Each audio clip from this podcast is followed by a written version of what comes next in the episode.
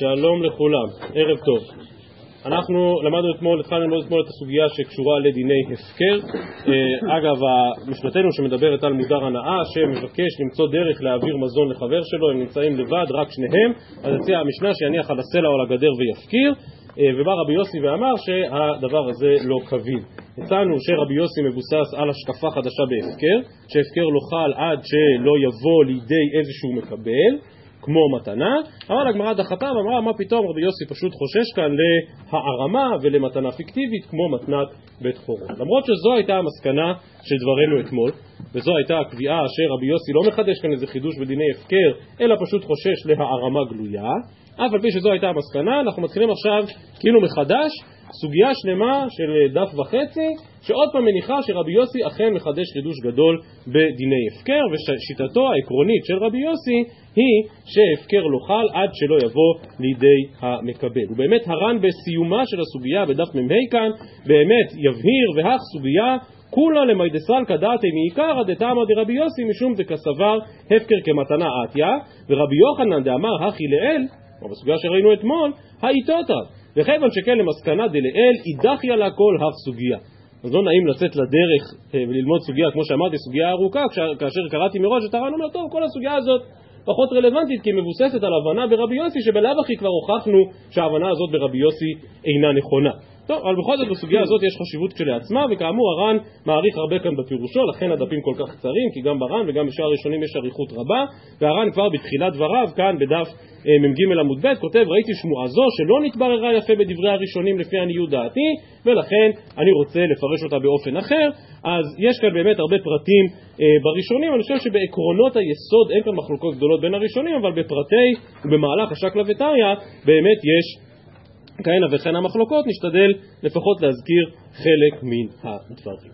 אז זה רק לגבי ההקשר שבו אנחנו עוסקים. עכשיו מילה אחת של הקדמה על מה בעצם מדברת הסוגיה הזו.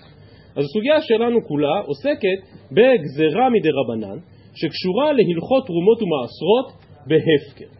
הלכה פסוקה, וזו משנה מפורשת בכמה מקומות, שהפקר פטור מתרומות ומעשרות. כך למשל שנינו במשנה הראשונה במסכת מעשרות, פרק א' הלכה א', יש משנה מאוד דומה לזה גם בפרק א' של פאה, אבל ענייננו במסכת מעשרות, כלל אמרו במעשרות, כלשהו אוכל ונשמר וגידוליו מן הארץ, חייב במעשרות.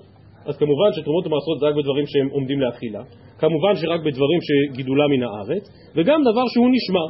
והגמרא במסכת שבת בדף ס"ח ובעוד מקומות מסבירה מה זאת אומרת נשמר, לאפוקי הפקר. דבר שהוא הפקר אין בו חיוב בהפרשת תרומות ומעשרות. למה? למה הפקר פטור מתרומות ומעשרות? אז הנימוק הפשוט הוא שכדי לחייב בהפרשת תרומות ומעשרות צריך, צריך בעלות, מישהו צריך להיות ביילים כדי שנחייב אותו להפריש. אומרת הרמב"ם שם בתחילת מסכת מעשרות כותב ונשמר שנאמר זרעך המיוחד לך לא המופקר לכל אדם שאין לו ביילים. עכשיו האלפותא הזו של הרמב"ם מבוססת על מדרש שמצוי בכמה מקומות בש"ס יש סוגיה גדולה בחולין, בדף קל"ה, קל"ו, לעניין שותפות של גוי וכולי וכולי, אבל באמת חז"ל הניחו כדבר פשוט שצריך בעלות כדי להפריש תרומות ומעשרות. ואם אין בעלות גמורה ושלמה של ישראל, אזי אין חיוב הפרשת תרומות ומעשרות, ולכן ברור שגם הפקר פטור מתרומות ומעשרות. אלא שהירושלמי שם בתחילת מסכת מעשרות, ויש ירושלמי דומה גם במסכת חלה, מזכיר ילפות הנוספת. של ובא הלוי כי אין לו חלק ונחלה עמך וכל חיוב תרומות ומעשרות לכהן, ללוי, זה רק בדברים שהם שייכים לי ולא לו.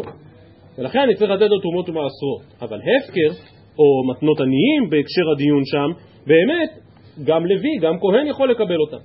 ולכן לא שייך בהם תרומות ומעשרות, ובאמת יש גם עוד כמה אה, נימוקים ועוד כמה מקורות שהציעו ראשונים לשאלה למה הפקר פטור מתרומות ומעשרות. הרמב"ם פוסק כדבר פשוט, פרק ב' הלכה י"א מהלכות תרומות, שאכן הפקר פטור מתרומות ומעשרות, ומי שרוצה לראות בדרך אמונה של רב חיים קנייבסקי שם על הרמב"ם, באמת הולך ומסכם את המקורות השונים, למה הפקר פטור מתרומות ומעשרות. מורנו הרב ליכטנשטיין זיכרונו לברכה פעם שאל, אז באמת למה צריך עוד מקורות?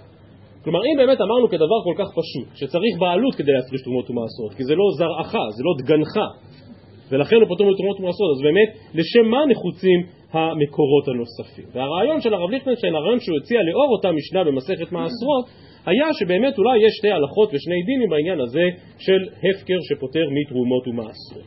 שכן הרב הקשה קושייה על אותה משנה שקראתי מקודם, כלל אמרו במעשרות כלשהו אוכל ונשמר וגידוליו מן הארץ. אוכל או גידוליו מן הארץ זה דין, זה דין בחפצה. זה ממש דין בחפצה, כלומר דבר שהוא לא אוכל, אין בו תרומות ומעשרות. אבל משמר זה לכאורה לא דין בחפצה, זה דין בבעלות. ולכן בא הרב ליכטנשטיין ואמר אולי פירות של הפקר, אולי תבואה של הפקר היא ממש שונה בחפצה. צורת הגידול של ההפקר שונה במהותה מצורת הגידול של פירות רגילים. פירות, תבואה, שאין להם בעלים, ממש גדלים באופן שונה. עכשיו, זה נשמע כמשהו ככה קצת מופשט, אבל הנפקמינה לדיון הזה הייתה, וזה כבר מתקרב יותר לדיון של הסוגיה שלנו, מה קורה אם בן אדם הפקיר את תבואתו, טוב, אז כמו שנראה מיד בסוגיה, אדם שהפקיר את תבואתו כמובן נפטר מתרומות ומעשרות, ובכל זאת אנחנו מוצאים שיש הבדל בעניין הזה בין הפקר לבין פטורים דומים, למשל מי שהקדיש. יש הלכה מפורשת, חז"ל וברמב"ם, שמי שהייתה לו תבואה, שכבר הביאה שליש, ואז הוא הקדיש אותה, טוב, אז הקדש פטור מתרומות ומעשרות, אבל עוד לפני שהוא הגיע לזמן הקציר הוא פדה אותה מן ההקדש, ואז הוא קוצר, אז, אז חייבת בתרומות ומעשרות. כי כשהיא הביאה שליש זה היה חולין, כשהוא קוצר את זה זאת פעם היה חולין, זה שבאמצע זה היה אה, הקדש, זה עוד לא פותר מתרומות ומעשרות. לעומת זאת, אם יקרה אותו דבר בהפקר, זה באמת יהיה פטור מתרומות ומעשרות. או בלשון קיצונית, אפילו רגע כמימרא, אפילו זמן קצר שבו הפירות הללו היו הפקר, הם כבר נפטרים מתרומות ומעשרות. למה? אז אומר הרב ליכטנשטיין, אם זה רק ליקוי בבעלות כמו הקדש, אין תרומות ומעשרות בהקדש כי זה לא שלך, זה של ההקדש. אילו זה היה רק ליקוי בבעלות, אז באמת לא רגע אחד של הפקר היה פותר מתרומות ומעשרות.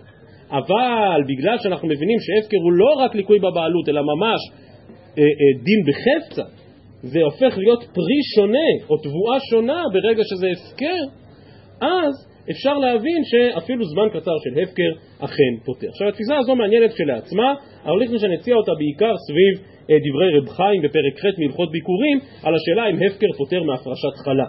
וזה נושא גדול בפני עצמו, יש להעריך בו, אין כאן מקומו, בשעתו שמענו שיעורים מהרב על מסכת חלה, לצערי לא יצא ספר בסדרה של שיעורי הרב ליכטנשטיין על מסכת חלה, אבל השיעורים מוכנים, אולי פעם מישהו יבוא וייתן עוד דחיפה אחת וזה גם יצא, כי סך הכל זה בדיוק באותו אה, מבנה של הספרים האחרים.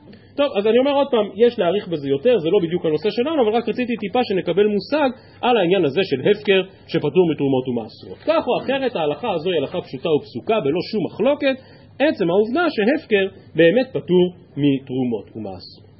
לענייני, לסוגייתי, העובדה הפשוטה הזאת, שהפקר באמת פטור מתרומות ומעשרות, עלולה להוביל לאיזושהי רמאות פשוטה בתכלית. למה? כל מי שלא רוצה להפריש תרומות ומעשרות, מה הוא יעשה? יפקיר לרגע את הפירות שלו, יפקיר לרגע את התבואה שלו, אחר כך יחזור ויזכה, וככה הוא פותר את כל התבואה וכל הפירות מתרומות ומעשרות. ולכן ביקשו חכמים, וזה בדיוק הנושא של סוגייתנו, לגזור גזרה שתנסה איכשהו להתמודד עם הפתרון הזה, כדי שאנשים, מה שקרוי בלשון הגמרא הרמאים, לא יבואו וישתמשו בפתרון הזה של הפקר כדי לפתור את כל פירותיהם מתרומות ומעשרות. וכך מסביר כאן הר"ן בתחילת הסוגיה שלנו, דף מ"ג עמוד ב', דמשום דהפקר פטור מן המעשר. היו הרמאים מפקירים שדותיהם כדי להיפטר, והיה דעתן בשעת הפקרן שיחזרו בהן ויזכו בהן, ונמצא שלא היה הפקרן אלא להערמה בלבד. ולפיכך הוצרכו לומר שאם יזכו בהם לא יהיו כזוכים מן ההפקר. כלומר, מעיקר הדין באמת אם בא אדם והפקיר את תבואתו, אז טוב, אז ההפקר הזה פטור מתרומות ומעשרות, וגם אם אחר כך הוא יחזור ויזכה בזה, זה עדיין פטור מתרומות ומעשרות. ובאו חכמים וגזרו גזירה ואמרו, אתה לא יכול לעשות דבר כזה. כי יש כאן הערמה גלויה מדי. דיברנו אתמול על ענייני הערמה, והר"ן אומר, ברור שההפקר הזה הוא הפקר להערמה בלבד. הוא הפקר שכל מטרתו רק כדי להיפטר מהפרשת תרומות ומעשרות, ולכן באו חכמים והטילו סייג כדי שאנשים לא יעשו את זה. איזה סייג בדיוק הם הטילו? מה בדיוק כוללת אותה גזירת חכמים? אז זה בדיוק הדיון כאן בסוגיה ובאריכות פירושי הראשונים. קצת הארכנו בהקדמה ומכאן לסוגייתנו. אומרת הגמרא דף מ"ג עמוד ב' בסוף העמוד. תניא, המפקיר את שדה כל שלושה ימים יכול לחזור בו, מכאן ואילך אין יכול לחזור. ועל פניו ההלכה הזו מפתיעה עד מאוד. הרי הפקר לא אמור להיות פעולה הפיכה. כן, יש דבר אחד שאפשר לעשות, וזה אני יכול להפקיר נכס ו... ולזכות בו מחדש, כמו שכל אדם אחר יכול, אבל לא, זה לא מה שהברייתא אומרת. הברייתא אומרת שאפשר לבטל הפקר. אפשר לבטל הפקר. עד שלושה ימים, יש לך שלושה ימים לחשוב.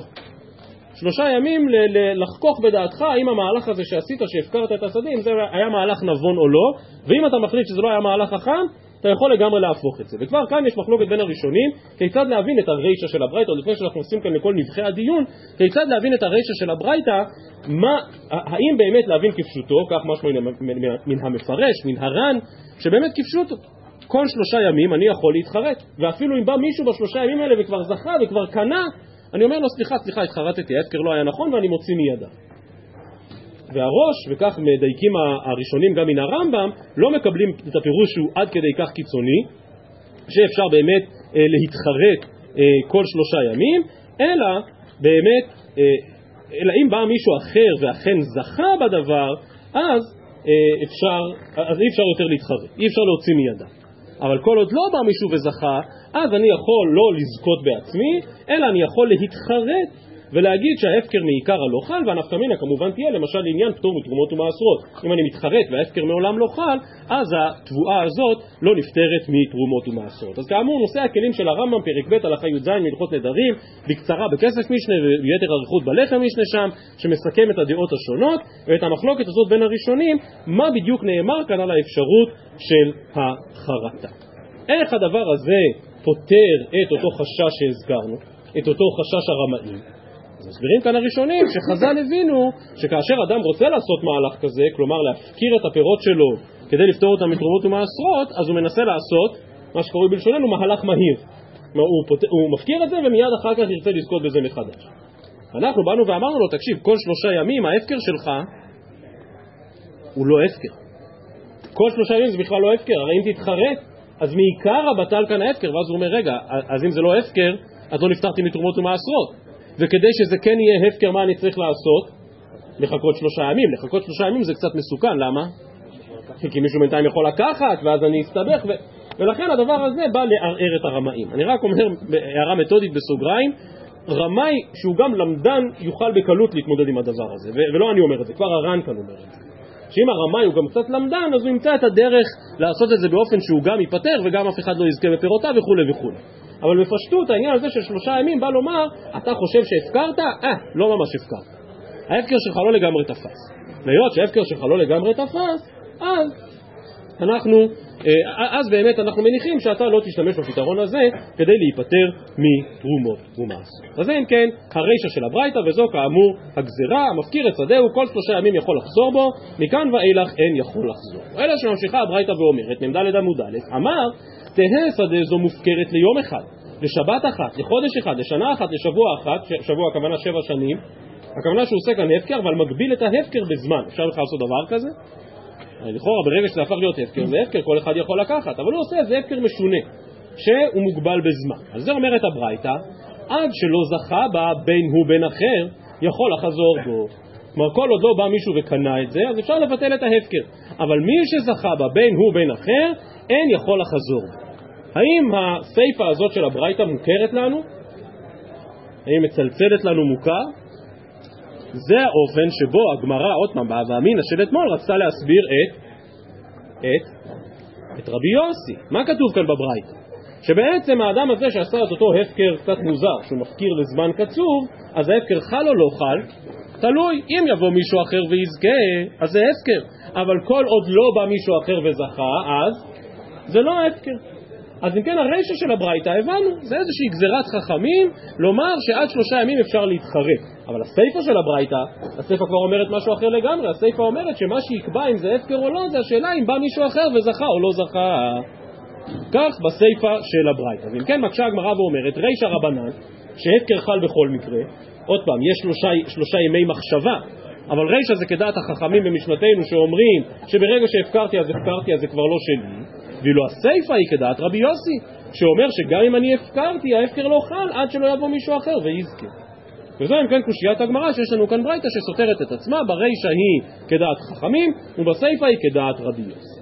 תירוץ ראשון אומרת הגמרא, אמר אולה, סיפא נמי רבנני, גם הסיפא היא כדעת חכמים. אי הכי, עמי עד שלא זכה בה בין הוא בין אחר יכול לחזור בו. לא מצאנו דבר כזה בדעת חכמים. זה חידוש של רבי יוסי, שההפקר יחול רק כאשר מישהו אחר יבוא ויזכה, ועד אז זה שייך לי. אבל באמת, למה חכמים אומרים את זה? עמי עד שלא זכה בה הוא בין אחר יכול לחזור בו, מסביר אולה בדעת חכמים ואומר, שייני שנה ושבוע דלא שכיחה. כלומר, מדובר פה על משהו לא כל כך מצוי. אנשים לא עושים דברים כאלה בדרך כלל, הם לא מפקירים לזמן קצוב. ובגלל שההפקר איננו לזמן קצוב, אזי פה חכמים מודים לרבי יוסי. כלומר, חכמים מודים שכאשר ההפקר הזה הוא הפקר חלקי, הוא הפקר למחצה, לשליש ולרביע, כי הוא לא הפקר לעולם, אז באמת ההפקר לא חל עד שיבוא מישהו אחר ויזכה. אני מקריא את לשונו של הר"ן כאן בדף מ"ד, וכיוון ששינה זה, כלומר היות שהוא מפקיר באיזשהו אופן משונה, עמדינן לדעתי, דכיוון שלא רצה להפקירו הפקר עולם, שימו לב ללשונו של הר"ן, ועקתי אגיד גבי, כלומר הוא כאילו מפקיר אבל קצת קושר את זה אליו, והקתי אגיד גבי אפילו באותו זמן שהפקירו, לא ניחא ליה דליפוק מרשותי, עד דזכי באידך.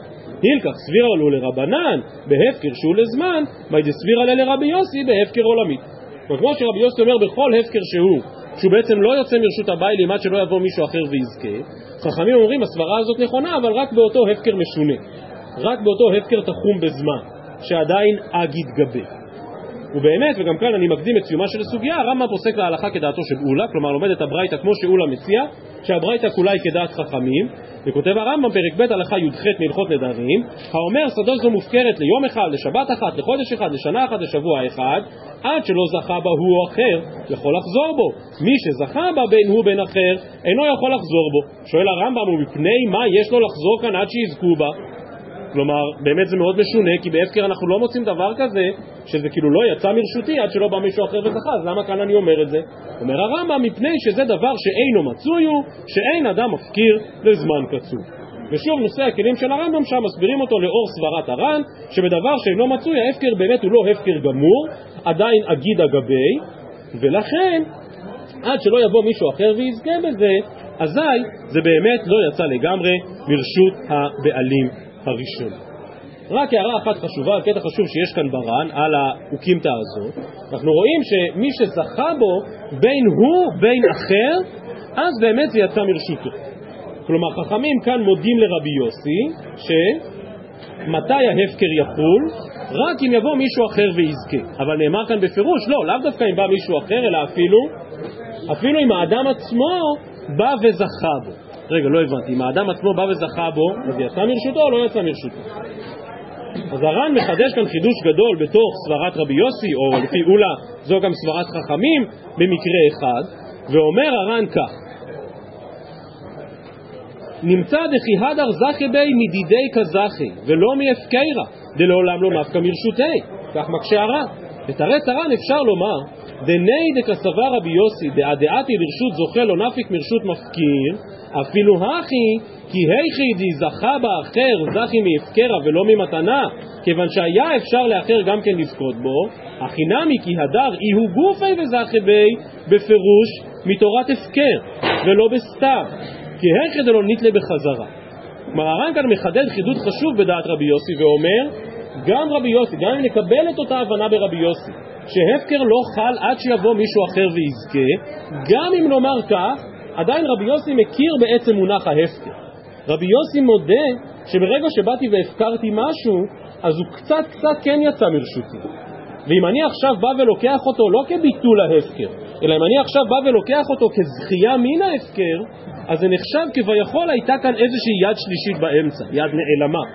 כאילו הדברים האלה עברו עוד תחנה בדרך. למשל נפקא מינא לעניין פטור מתרומות ומס.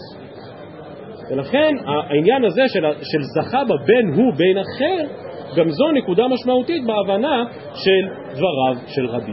ואם כן, אולה סבור שהברייתא כולה כדעת החכמים, אה, תשאל, אצל חכמים לא מצאנו דבר כזה שההפקר לא חל עד שיבוא מישהו אחר ויזכה, תשובה, לפי חכמים זה קיים רק באותו הפקר משובש, הפקר לזמן, שהקתי אג יתגבי, זהו מהלכו של אולה. אומרת הגמרא, וריש לקיש אמר, כלומר ריש לקיש מציע לפרש את הברייתא באופן אחר, ולומר מדסיפא רבי יוסי, הרי הסייפא באמת מתאים לדעת רבי יוסי, שההפקר לא חל עד שבא לא בא מישהו אחר וזוכה. ריש לקיש אמר מדסיפא רבי יוסי, רישא נמי רבי יוסי. נו, אז אם זה כרבי יוסי, אז מה העניין של השלושה ימים? הרי לפי רבי יוסי, גם אחרי שלושה ימים זה עדיין, זה עדיין לא הפקר עד ש... עד שיבוא מישהו אחר ויזכה. ואם כן, אומרת הגמרא, רישא היינו טעמא, אז מה השלושה ימים? דלא לשתה כך תורת הפקר. כלומר, אתה צודק. לפי רבי יוסי זה באמת לא הפקר עד ש... עד שיבוא מישהו אחר ויזכה. אבל דווקא בגלל זה עלולים להגיע למצב שאנשים ישכחו שמה? שהפקר פותר מתרומות ומעשרות. עכשיו לא נתבלבל, לפי רבי יוסי ודאי שהפקר פותר מתרומות ומעשרות, רבי יוסי לא חולק על זה. ולכן אם תבוא ותאמר שגם אחרי ארבעה וחמישה ושישה ימים כל עוד אף אחד לא זכה זה בעצם לא הפקר וזה לא פטור מתרומות ומעשרות אז אנשים עלולים לחשוב שהפקר חייב בתרומות ומעשרות ונמצא שנשתכחה תורת הפקר. כלומר נשתכחה אותה משנה מפורשת במסכת מעשרות שאומרת שהפקר פטור מתרומות ומעשרות וכדי שלא תשתכח תורת הפקר בא רבי יוסי ואמר אחרי שלושה ימים באמת ההפקר חל וזה פטור מתרומות ומעשרות. נכון, מדאורייתא ההפקר לא חל עד, ש... עד שיבוא מישהו אחר ויזכה, אבל ההפקר בכל זאת חל. אומרת הגמרא, אי הכי, אפילו מיום ראשון נמי ליהבי הפקר, כדי שלא תשתכח תורת הפקר, למה אתה לא אומר את זה תכף ומיד? שגם לדעת רבי יוסי, מי שהפקיר פירותיו, אז הם נפטרו מתרומות ומעשרות, למה? כדי שלא תבוא לחשוב שהפקר חייב בתרומות ומעשרות. אמר רבא, נראה כאן בעצם הגמרא מגלה את הסוד של כל הסוגיה שכבר פתחנו ואמרנו מקודם, אמר רבא מפני הרמאים דמפקירים והדרין בהון. אם תאמר שאפילו ביום אחד אדם הפקיר ומיד זכה אחר כך ונפטר מתרומות ומעשרות, אז פתחת פתח גדול לרמאים. ומפני הרמאים אנחנו לא רוצים לעשות דבר כזה. ואם כן באמת רבי יוסי סבור שהפקר יוצא מרשות הבעלים רק אחרי שבא מישהו אחר וזוכה. ולכן לכאורה הפירות הללו לא פטורים מתרומות ומעשרות. אבל באו חכמים ואמרו, כדי שלא תשתכח תורת הפקר, שאחרי שלושה ימים בעצם זה יצא מרשותו, ובעצם זה הפך להיות הפקר שפטור מתרומות ומעשרות. מה הקושייה המתבקשת? אז זה אומרת הגמרא, אבל דאורייתא לא אבי הפקר? כלומר, אתה טוען שלפי רבי יוסי גם אחרי שלושה ימים זה עדיין לא הפקר? אבל דאורייתא לא אבי הפקר? אם ככה, סליחה, אה, ודילמה את אלה אסורי מן החיוב על הפטור ומן הפטור על החיוב. כלומר, אם לדעתך, לפי רבי יוסי, באמת אחרי שלושה ימים זה לא הפקר כי לא בא מישהו אחר וזכה, אבל באו חכמים ואמרו זה כן הפקר כדי שלא תשתכח תורת הפקר, אז מה יוצא? שמדאורייתא הפירות האלה חייבים בתרומות ומעשרות או לא? מדאורייתא חייבים או לא? חייבים כי הם לא הפקר. אבל אותו אדם אחרי שלושה ימים אומר, אה, אם עברו שלושה ימים, אז זה הפקר, ולכן פטור מתרומות ומעשרות. ואז ממילא יש הרבה בלבולים של מן החיוב אל הפטור, מן הפטור על החיוב, כי יש לך כאן פירות שחייבים מדאורייתא, אבל אתה חושב שבכלל הם פטורים, ואז תבוא להפריש מהם על דבר אחר שהוא פטור מדאורייתא. ולכן הדבר הזה עלול ליצור תקלות ושיבושים. עונה הגמרא, דאמרינא ליה, כי מעשר, עשר מיני ובי. כלומר, אומרים לו, דע לך שאם אחרי אותם שלושה ימים, גם אם אתה בא לעשר מן הפירות הללו, אז רק מיני ובי. רק בינם לבין עצמם. אל תפריש מהפירות האלה על פירות אחרים, כי, כי באמת יש כאן בעיה, כי מדאורייתא הם חייבים, אבל מדרבנן אמרו שהם פטורים, וגם כאן הראשונים מאוד מעריכים בעניין הזה, שכן מצאנו בהלכה לא מעט דוגמאות לפירות שפטורים מתרומות ומעשרות, ובאו חכמים וחייבו אותם, כמו למשל תרומה בזמן הזה, כמו למשל הציץ שאינו נקוב וכולי וכולי, כלומר כל מיני דברים שמדאורייתא אין להם תרומות ומעשרות, ובאו חכמים וחייבו מדרבנן. כאן לכאורה יוצא מצב הפוך, משהו שמדאורייתא חייב בתרומות ומעשרות, ובאו חכמים ואמרו, כלומר מדאורייתא הוא לא הפקר, ולכן הוא חייב בתרומות ומעשרות, באו חכמים ואמרו, הוא כן הפקר, ולכן הוא פטור בתרומות ומעשרות. זה חידוש יותר גדול. ואת זה אפשר לעשות כנראה רק בעזרת מנגנון הלכתי אחד, כמו שאומר כאן הר"ן, והוא יפה מאוד, הפקר בית דין הפקר. ויבואו בית דין ויגידו מבחינתנו אנחנו מפקירים את זה לגמרי, ואם באו בית דין והפקירו את זה במישור הממוני, אזי זה לא חייב בהפרשת תרומות ומעשרות. אז כאמור הראשונים כאן מעריכים בכל העניין הזה של מה בדיוק הבלבול ואיך בדיוק יבוא פה הפרשה מן הפטור על החיוב, מן החיוב על הפטור, בין לדעת רבי יוסי, בין לדעת חכמים.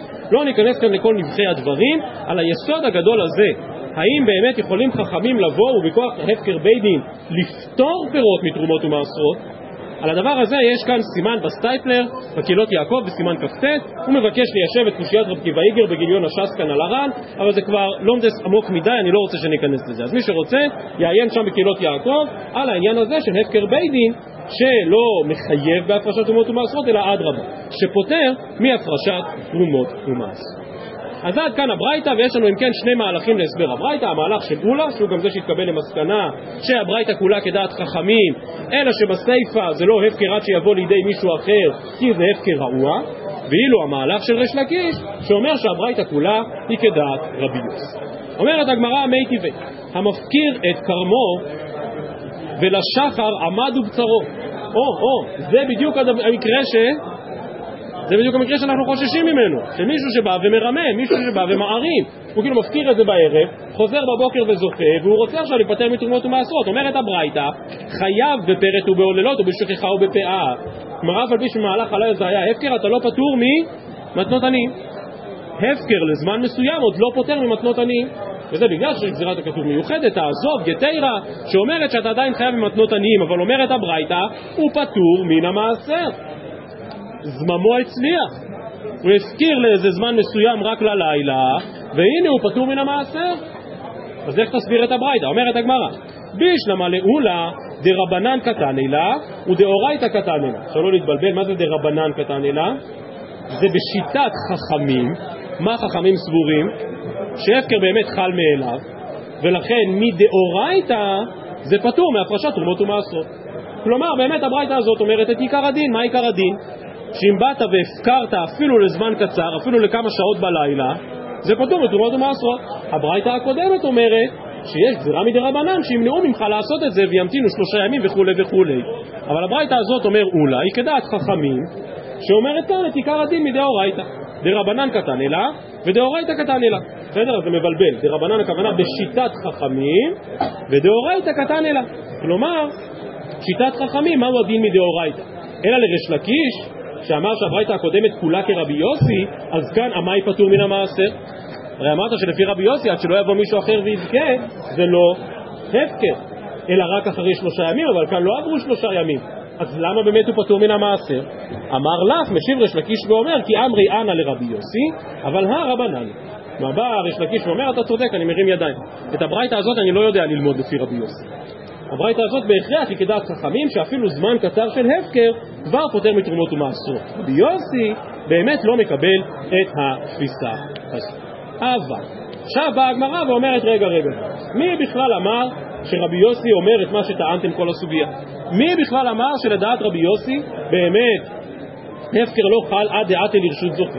באה הגמרא דף מאה עמוד א' ואומרת, ואי באי תימה, כלומר אם תרצה אפשר ללמוד את כל הנושא הזה באופן אחר. אי באתימה, הא דאפקרי באנפי טרן והא דאפקרי באפי צלח. כלומר, בדעת רבי יוסי עצמו, כל מה שטענו כל הזמן, שרבי יוסי סבור שהפקר לא חל עד שיבוא מישהו אחר ויזכה, תלוי באיזה הפקר מדובר.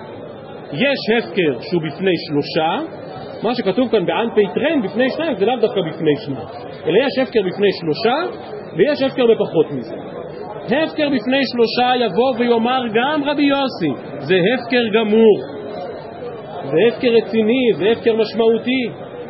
ולכן, כמו שאומרת הברייתא השנייה, מדובר פה על אדם שבא בלילה והפקיר בפני שלושה, ואם הוא הפקיר בפני שלושה זה הפקר גמור. אבל מי שלא מפקיר בפני שלושה, מי שמפקיר רק בפני שניים, או בפני אחד, שזו אגב הדוגמה של, של משנתנו, כי מה קורה במשנה? הם רק שני אנשים שהולכים ביחד בדרך ולכן זה ודאי לא הפקר בפני שלושה. אה, רבי יוסי אומר, על זה אמרתי, שהפקר כזה לא יכול לחול עד שלא יזכה בו הצד השני. או כמו שאתם אוהבים לומר בדרך כלל, מה שהגמרא כאן אומרת זה שיש שני דינים בהפקר לרבי יוסי. יש הפקר שמועיל מלא מלא, אבל זה הפקר בפני שלושה. כאשר אתה מפקיר בפני אחד ובפני שניים, יבוא רבי יוסי ויאמר זה כבר לא מספיק הפקר, זה יותר דומה למתנה. אנחנו הולכים בדרך, אני לא יכול לתת לך ישירות את האוכל כי זה מודר הנאה, ולכן אני מניח על הסלע ואומר שזה הפקר. אומר רבי יוסי, לא, לא, לא, זה לא הפקר, זה כעין מתנה. ודבר כזה באמת לא יכול עד שיבוא לרשותו. אבל הפקר לפני שלושה חל לכל דבר ועניין, ואם ככה זהו מהלך אחר לגמרי בדעת רבי יוסי. אז כמו שאמרתי מקודם, אין הלכה כרבי יוסי, וגם כנראה אנחנו לא מקבלים את התפיסה הזאת שרבי יוסי אומר שהפקר לא חל עד שלא יבוא לרשות המקבל, אבל הפרק מסתיים בזה שהחלוקה הזאת בתוך הפקר, האם זה לפני שלושה או לא, היא בעצם חלוקה שמקובלת לכולי עלמא. למה? דאמר רבי יוחנן משום רבי שמעון בן יהוד צדק, כל המפקיר בפני שלושה הווי הפקר, בפני שניים לא הווי הפקר. אז רבי יוחנן אומר שבפני שניים זה לא הפקר בכלל. רבי יוסי יבוא ויאמר בפני שניים זה הפקר, אבל הוא יחול רק, רק כאשר יבוא מישהו אחר ויזכיר. ואם כן אתה רואה שאין דבר כזה הפקר שלא בפני שלושה. ורבי יהושע בן לוי לעומת זאת חולק על רבי יוחנן ואומר דבר תורה מדאורייתא אפילו באחד הווה הפקר, מה פתאום? מה פתאום? לא צריך להפקיר בפני שלושה, אפשר להפקיר גם בפני אחד. ומה הטעם אמרו בשלושה? כדי שיהיה אחד זוכה ושניים מעידים. אז ממש חרגנו מהזמן, אז רק שתי מילים על הסיומת של הסוגיה ובזה נעצור. בדעת רבי יוחנן, הראשונים כאן דנים האם כשהוא אומר שבפני שניים לא הווי הפקר, הכוונה שזה בכלל לא הפקר, ההפקר הזה בכלל לא חל, או שזה כן הפקר אבל אפשר לחזור בו.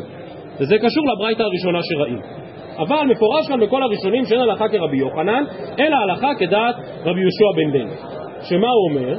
שמדין תורה גם בפני אחד הווי הפקר, אבל באו חכמים ודרשו שהפקר יהיה בפני שלושה, וכאן דנו הראשונים בשלוש שאלות, או ליתר דיוק בשתי שאלות שאחת מהן מתפצלת לשניים.